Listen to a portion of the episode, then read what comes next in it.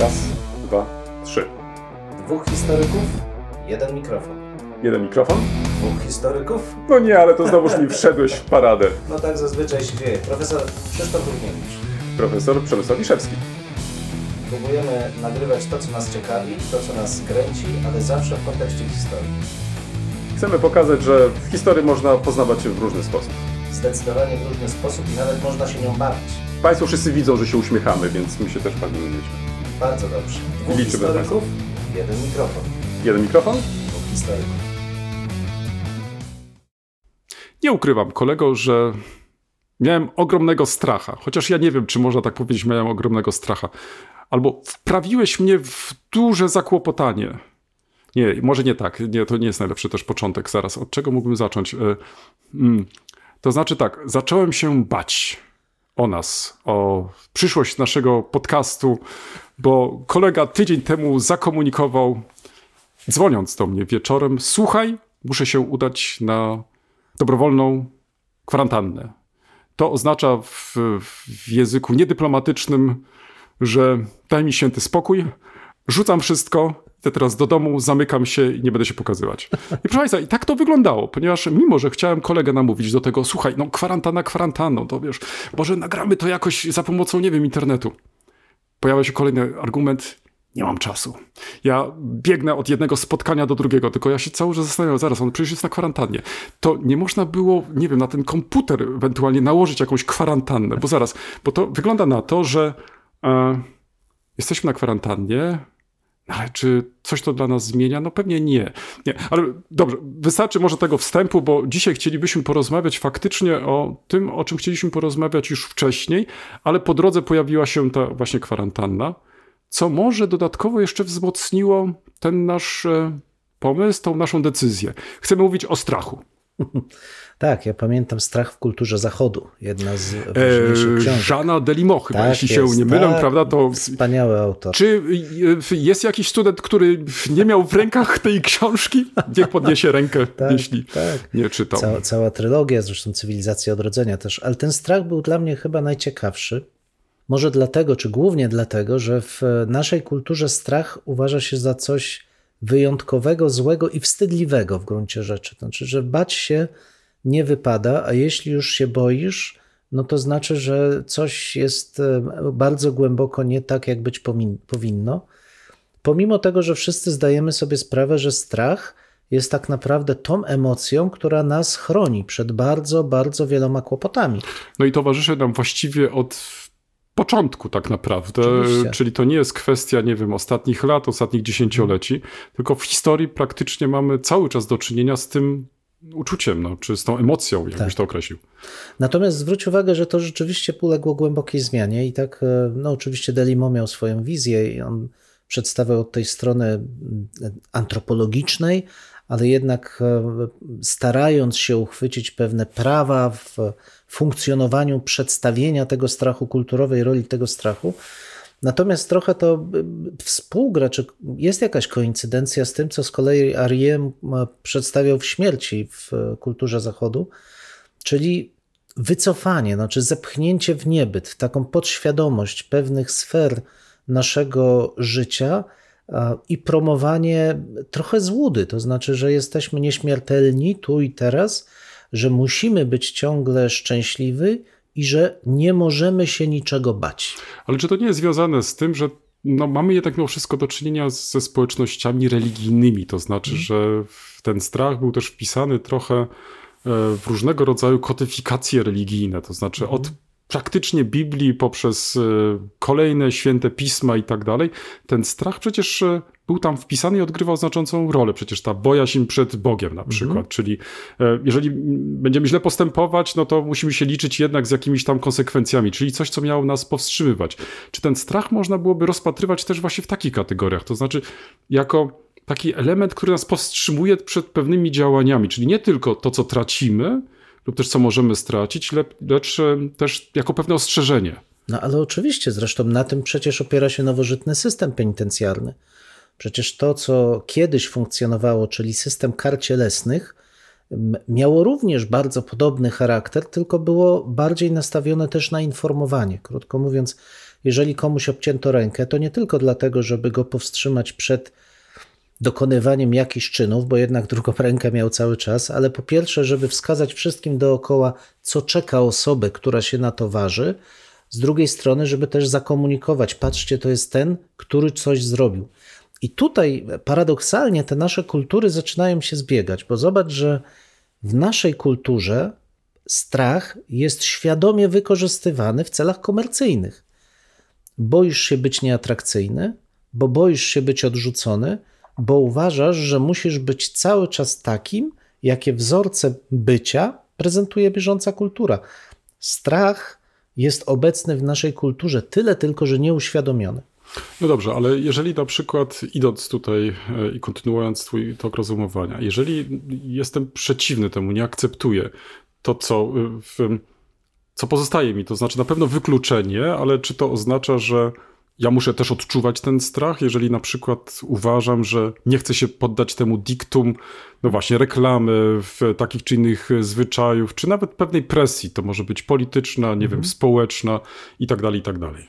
No, ja bym zwrócił uwagę, że z całej historii wynika i to widać bardzo wyraźnie, że wspólnoty ludzkie strach traktują jako element wychowawczy, świadomy lub nie. Dzisiaj raczej mówimy, że nie powinno się dzieci wychowywać strachem, ponieważ to nie odnosi takiego skutku, jakbyśmy chcieli, to znaczy zabija ich elastyczność, innowacyjność. Powiedz, czytałeś może taką e, e, bajkę niemiecką Struwe Pejcza?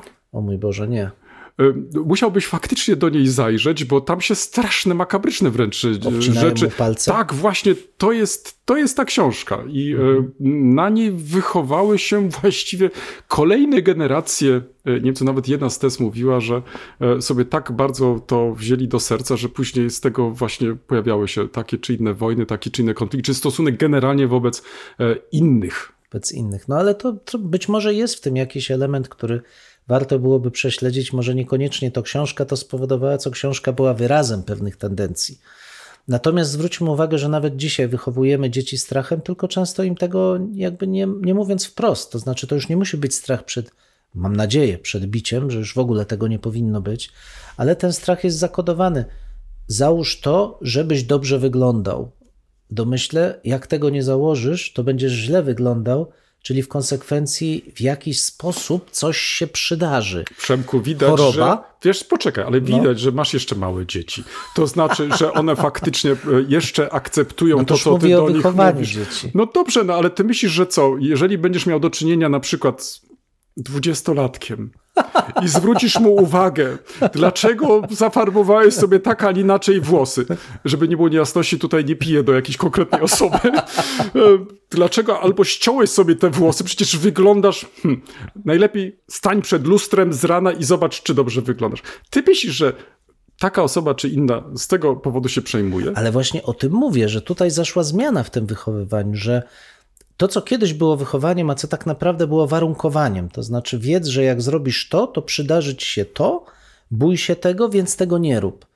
My staramy się zastępować to w tej nowoczesnej, współczesnej myśli pedagogicznej raczej przekonywaniem, otwieraniem możliwości i sprawianiem, że ktoś sam podejmuje decyzje, widząc ileś tych możliwości, ale kierując się w jakimś sensie naszym przykładem, naszymi wskazówkami. Ale, ale to jest jego decyzja. Zgoda, ale to czy to nie oznacza, że mamy do czynienia jednak mimo wszystko z ogromną zmianą e, ja nie wiem, czy nawet nie można byłoby tego określić jako zmianą mentalnościową, bo przecież e, czy nie jest to też wynik zeświadczenia, sekularyzacji społeczeństw, bo przecież jednak, e, zresztą chyba wielokrotnie wracaliśmy także do tych kwestii w naszych wcześniejszych rozmowach, e, że kalendarz liturgiczny wielokrotnie wyznaczał nie tylko pory dnia, miesiące, lata, ale przecież także ten reżim, który wprowadzał najpierw na wsiach, później w miastach, na przykład pory roku no to powodowało, że funkcjonowało się w ramach, prawda? To znaczy coś, co było narzucane, coś, co my też akceptowaliśmy, prawda? Mhm. To znaczy, ja nie mówię, że my teraz to akceptujemy, ale we wcześniejszych wiekach to akceptowano. No dzisiaj sytuacja jest całkowicie inna, to znaczy, gdybyśmy nawet mieli spytać, znowuż proszę nie łapać mnie za słowo, bo, bo nie o tym myślę, czy na przykład Kościół dzisiaj jest taką instancją, która by warunkowała nasze postępowanie, mamy wiele przykładów, które pokazują, że nie. To znaczy, Kościół już przestał pełnić właśnie tą rolę. Teraz praktycznie w to miejsce wchodzą inne elementy, które wyznaczają to nasze bycie w tu i teraz. No tylko pytanie, czy mamy tu do czynienia z desakralizacją porządku jakby kulturowego? Ja mam wątpliwości o tyle, że potrzeba mm, takiej religijności w sensie zaufania, w funkcjonowania jakiegoś wyższego porządku w jakimś sensie jest podstawą naszego zdrowia psychicznego. I to nie musi być religia, e, tak jak my ją rozumiemy, czyli religia księgi albo jakikolwiek ruch religijny, to może być zaufanie do nauki, które przecież w żadnym przypadku nie może opierać się na pełnej wiedzy naukowej, bo takiej nie jesteśmy w stanie my jako ludzie udźwignąć. To jest zaufanie do pewnego autorytetu, ale ja bym zwrócił uwagę na coś innego. Czy to odejście od takiej wychowawczej, formującej roli strachu nie jest wynikiem z jednej strony takiego swoistego wyzwolenia się jednostki. To znaczy, że wiedza jednostki w tej chwili już jest na tyle duża, człowieka wspomaganego całą tą sferą cyfrową, że on jest w wielu przypadkach czuć się w stanie specjalistą, nawet jeśli nim nie jest. Ale ponieważ czuje się specjalistą, to on czuje się samowystarczalny. On jako jednostka i strach w tym momencie nie odegra żadnej roli, bo jeśli ktoś mu powie, jak to zrobisz, nie będziesz nosił maseczki, to zachorujesz, to on zaczyna wyciągać ileś argumentów. Mówi, nie, ale ja nie zachoruję, bo przecież ten, ten i ten mówi, że nie zachoruje. Ale wiesz co, to mi przypomina, nie wiem, czy mm, jeszcze, czy miałeś okazję oglądać e, w chwili, kiedy pojawiły się e, te części, filmy Kieślowskiego Dekalog. I tam e, jeden z pierwszych e, tych odcinków dotyczy historii właśnie fizyka. O czym ty przed chwilą mówiłeś, że e, wszystko można zbadać, wszystko można zmierzyć, e, zważyć wręcz i tak dalej. Tam chodziło o tą historię, że chyba jego dziecko, jeżeli sobie dobrze przypominam, e, w, idzie się poślizgać po lodzie. Ojciec był przekonany, że praktycznie pod tym dzieckiem, pod tą wagą ten lód się po prostu nie załamie. Okazało się jednak inaczej. Tak. I e, jako kontrargument użyłbym, bo przecież jednak czujemy strach, może niekoniecznie przed mm, policjantem, ale przed e, nieprzestrzeganiem różnego rodzaju e, znaków, bo to przecież prowadziłoby do chaosu. To znaczy, my sobie zdajemy z tego, z tego sprawę, że jeżeli tego nie będziemy przestrzegać, no to praktycznie nie ruszymy gdziekolwiek, no bo za każdym razem będziemy musieli się po prostu zderzać właśnie z taką czy inną e, po prostu rzeczywistością. Ale zwróć uwagę, że to jest też głęboka różnica między społeczeństwem demokratycznym i totalitarnym. W społeczeństwie demokratycznym oddajesz ludziom bardzo duży, bardzo szeroki margines wolności, gdzie oni podejmują decyzje nie kierując się strachem, kierując się swoim interesem, kierując się odpowiedzialnością, różne wartości. I to jest ta negocjacja, wpisać. prawda? Znaczy Tak. negocjujemy i dyskutujemy o tym. Tak, a w społeczeństwie totalitarnym masz jednak stałe zagrożenie. Ty musisz to zrobić, bo spotka cię kara. Totalitaryzm polega na tym, że przenika wszystkie sfery twojego życia. W zasadzie twoje życie staje się uporządkowane według kar i nagród. No i zwróć uwagę też, że społeczeństwa totalitarne są szybsze w swoich reakcjach i bardziej, powiedziałbym, precyzyjne na krótką metę. To znaczy krótkookresowe zagrożenie społeczeństwo totalitarne z reguły ogarnia lepiej, bo może szybko reagować. Nie musi nikt myśleć, reakcje są szybkie. W społeczeństwie demokratycznym trzeba negocjować, trzeba podejmować decyzje, ta droga się wydłuża, ale na dłuższą metę ten strach w społeczeństwie totalitarnym zabija innowacje. Jedno rozwiązanie i koniec. Społeczeństwo demokratyczne ma paletę, z której może wybierać, więc strach, który w przypadku braku wiedzy i braku zgody na dyskusję dyktuje jedno, dwa, trzy maksymalnie rozwiązania, w przypadku społeczeństwa demokratycznego jego brak powoduje naprawdę możliwość bardzo elastycznego i innowacyjnego działania bez strachu. To jest ciekawe, co mówisz, bo ja się teraz zacząłem zastanawiać, no dobrze, a jak to jest jednak ze zróżnicowaniem społeczeństw demokratycznych? Bo przecież mamy różne formy rządów, mamy te systemy kanclerskie, niekanclerskie, i gdzie właściwie rola tych jednostek jest e, rządzących bardzo duża i praktycznie, tak jak przykładowo, niech to będzie Francja, no to tam jednak mamy bardzo dużą centralizację i sporo decyzji, które dotyczą jakiegoś małego miejsca gdzieś tam we Francji, gdzieś tam w jakimś tam regionie, zapada przecież e, w, w Paryżu. I, Tak. em, i, i, I to akceptujemy, prawda? I nadal jest to społeczeństwo demokratyczne i możemy powiedzieć, okej, e, to też całkowicie dobrze funkcjonuje, ale równie jednocześnie mamy inny przykład, chociażby sfederowanych Niemiec, gdzie ta władza jest rozłożona, z, oczywiście ze względów historycznych, na poszczególne landy. Tak. E, I to też funkcjonuje. To znaczy, e, są różne formy, takie, które wynegocjowano e, na przestrzeni dziesięcioleci, no można nawet powiedzieć stuleci, i które funkcjonują. Wcale nie uważamy ich za jakieś autorytarne, czy też wręcz totalitarne. I one funkcjonują, mimo że mamy do czynienia z centralizacją, więc totalitarny nie oznacza centralizacji w tym sensie. Prawda? Nie, no oczywiście, bo to jest różnica między państwem scentralizowanym, które jednak szanuje swobody obywatelskie, demokratyczne, zostawia sferę prywatną, zostawia możliwość mimo wszystko wolnego zrzeszania się, tworzenia różnych ruchów społecznych. Nawet jeśli jest centralizacja, to nie jest I traktuje to jako wartość, prawda? I traktuje to jako wartość. Natomiast to równie dobrze wiemy, że to, to zawsze jest y, ważenie. To tak jak z wychowywaniem dzieci, jeszcze raz do tego wrócę. No, no pokażcie mi kogoś, kto nie powiedział kiedyś dziecku zjedz, bo jak nie zjesz, to będziesz tam chory, schudniesz, coś ci się...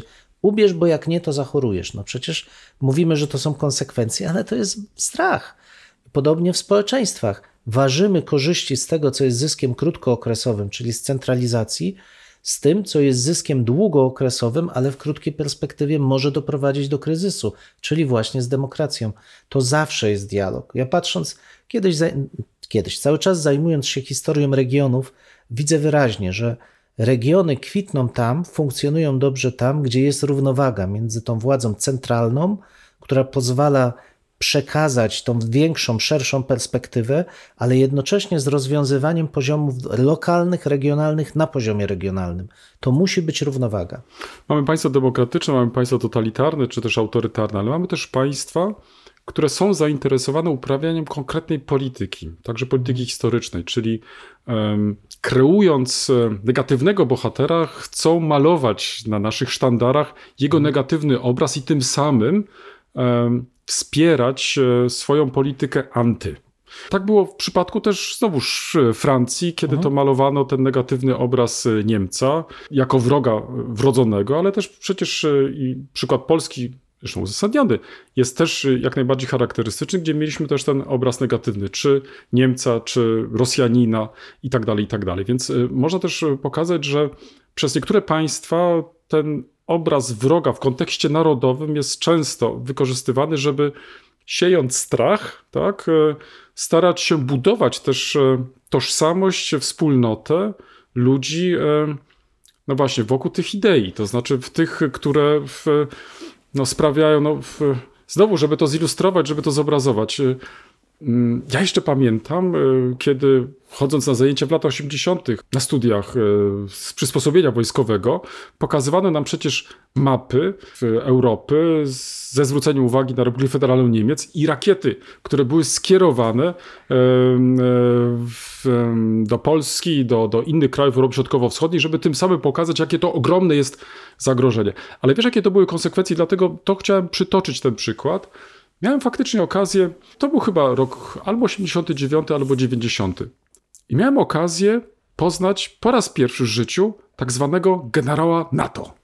To był Niemiec. I wyobraź sobie, przede mną stał niewielki, e, e, niewielkiego wzrostu człowiek, uśmiechnięty. Wręcz bym powiedział, gdybym nie wiedział, że to jest generał NATO, znaczy te, te, te, tej wrogiej formacji do niedawna, no to bym powiedział, jakiś jowialny, starszy pan, e, co takiego strasznego jest. Ale muszę ci powiedzieć, że czy to, no i teraz prowadzę drugie pojęcie. Czy to był strach, który w jakiś sposób przekazano mi, czy to był lęk jakiś przed tym człowiekiem? Ale ja nawet jestem w stanie ci powiedzieć, ja nawet byłem wyższy od niego, ale mimo to czułem. No, no właśnie, a może to był jednak respekt. No, nie potrafię ci powiedzieć i określić tego uczucia wtedy, ale było to przedziwne uczucie, że z jednej strony miałem taką, a inną socjalizację, bo wydawało mi się, że to jest coś oczywistego, że e, ta Republika Federalna Niemiec jest naszym wrogiem, śmiertelnym wrogiem. Do tego jeszcze po wszystkich tych zmianach e, zostałem skonfrontowany z tym wrogiem i ten wróg jakiś w ogóle się nie okazał wrogiem. No, w ogóle jakiś starszy, uśmiechnięty, jowialny pan. Czyli miałeś dysonans poznawczy, jednym słowem. Wiesz co, ja właśnie tak się zastanawiam, y, y, gdzie kończy się po prostu, a gdzie zaczyna ten strach. To znaczy, y, czy poprzez te, y, te działania bardzo takie w, w, określone wręcz, takie bym powiedział, które wchodzą w tą inżynierię, e, e, polityk, e, czy po prostu e, nie, ten strach nie jest też robiony sztucznie, to znaczy, bo mówiliśmy dotąd też o strachu, który jest takim stałym elementem naszego funkcjonowania, strachu, który może być e, wytwarzany w różnych e, systemach politycznych, ale też może być sztucznie też tworzony po to, żeby osiągać e, po prostu swoje cele. No tak, to zresztą kiedy wspominałeś o tym, że strach może być wykorzystywany do mobilizowania ludzi, to pamiętajmy, że jedna z głównych teorii tworzenia się państw czy wspólnot etnicznych mówi o tym, że potrzebny jest wspólny gruk albo wspólne zagrożenie, po prostu wspólne zagrożenie, bo to jest coś, co motywuje ludzi do współpracy. Jak nie ma zagrożenia, to każdy sam sobie żyje, nikomu w paradę nie wchodzi, ale kiedy pojawia się, to ludzie skrzykują się razem, tworzą wspólnotę i w ten sposób się bronią.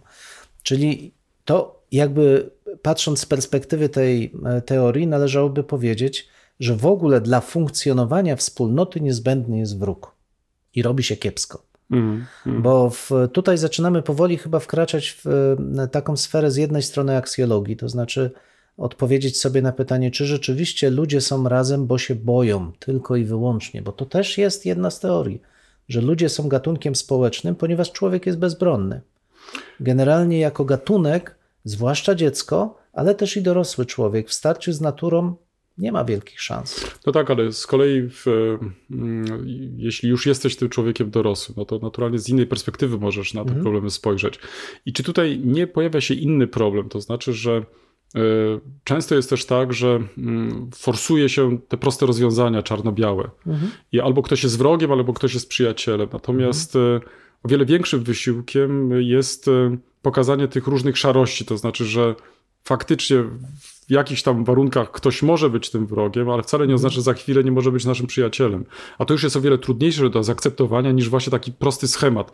To był wróg i tu pielęgnowanie tej wrogości tylko po to, żeby osiągać właśnie konkretne cele, poprzez strach na przykład. Prawda? Czy prawdziwym sukcesem, i ja mówię z satysfakcją, że ja to widzę w historii, że w wielu miejscach prawdziwym sukcesem jest budowanie wspólnoty na korzyści ze współpracy. Czyli nie, na strachu. strach- tak, nie na strachu, ale na korzyści ze współpracy. I oczywiście ona w pewnym momencie może gdzieś mieć ten wymiar. Znaczy, jak ta wspólnota jest zagrożona, to odnosi korzyść przez to, że jest w stanie się obronić.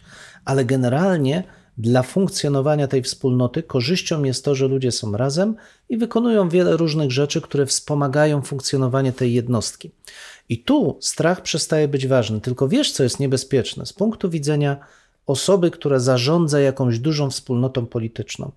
Jeżeli ludzie współpracują, bo czują korzyść ze współpracy, to jest im niepotrzebne rozwijanie wszelkich działań o charakterze, no powiedzmy sobie, ograniczającym wolność, bo wręcz przeciwnie, oni rozwijają się i swoją wolność poprzez współpracę.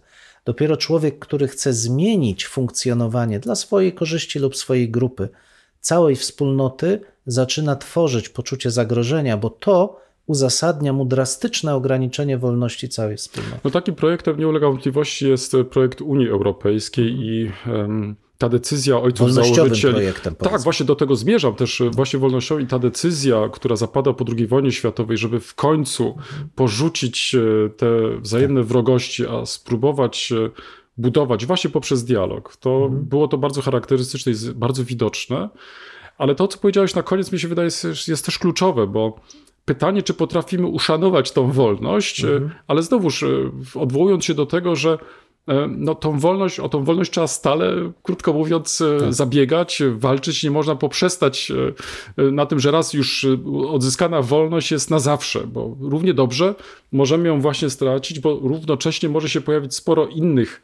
A no właśnie, nie podjęliśmy w ogóle wątku w kontekście strachu różnych wieszczy, e, jakichś takich szarlatanów, którzy nam będą po prostu pokazywać, jak wyjść e, z tego stanu. No ale ja jeszcze tu wrócę na chwilę do tej e, kwestii, czym jest wolność, że wolność wtedy zyskuje swą wartość, kiedy jest uzupełniona odpowiedzialność. Bo tylko połączenie wolności i odpowiedzialności zabezpiecza nas przed strachem. Bo jeśli mamy tylko wolność, czyli afirmację mojego własnego ego de facto, to to nic razem nie zbudujemy. Tu musimy mieć tą świadomość, że okej, ja mogę się rozwijać, ale jeśli jestem odpowiedzialny, w sensie jestem w stanie wczuć się w inne osoby i razem z nimi coś robić tak, żeby one też odniosły sukces. I wtedy ci wszyscy wieszczowie nie mają na mnie wpływu, bo ja mam wokół siebie grupę tych, z którymi współpracuję, z którymi czuję się bezpieczny, niezależnie od tego, co mi ktoś wieszczy. Wolność, odpowiedzialność i myślę, że jeszcze jedno pojęcie warto w tym kontekście wprowadzić zaufanie. Bo to są chyba e, te dwa pierwsze e, elementy warunkiem, ażeby to zaufanie się pojawiło i żebyśmy się darzyli nawzajem tym zaufaniem. No i wtedy można mówić, przynajmniej tak mi się wydaje, e, o odpadnięciu tego elementu strachu, bo na innych nadajemy niejako falach, prawda? E, Komunikując się. Tak. To jest wielkie słowo właśnie, zaufanie, które chyba dziś trudno, z trudem się przebija. Znaczy szybciej jesteśmy w stanie mówić o rozmaitych fake newsach, oszustwach, zagrożeniach, tratatata. Natomiast byłoby ciężko wskazać, do kogo społeczeństwa mają zaufanie. No i mówimy o fałszywych autorytetach, ale jak trudno przychodzi nam mówić o tych autorytetach naturalnych, że przecież jest naturalne, że społeczności mają autorytety, że jednak do czegoś się odwołują. W tym miejscu stawiamy kropkę lub też jak to woli, kropkę nad i. No, mamy nadzieję, że to nie jest koniec, że to jest początek naszej dyskusji. Mam nadzieję, że Was zaciekawi. Prosimy o komentowanie naszych zmagań z historią. Poniżej zdjęcia jest wystarczająco dużo miejsca. I pamiętajcie, nie regulujcie odbiorników.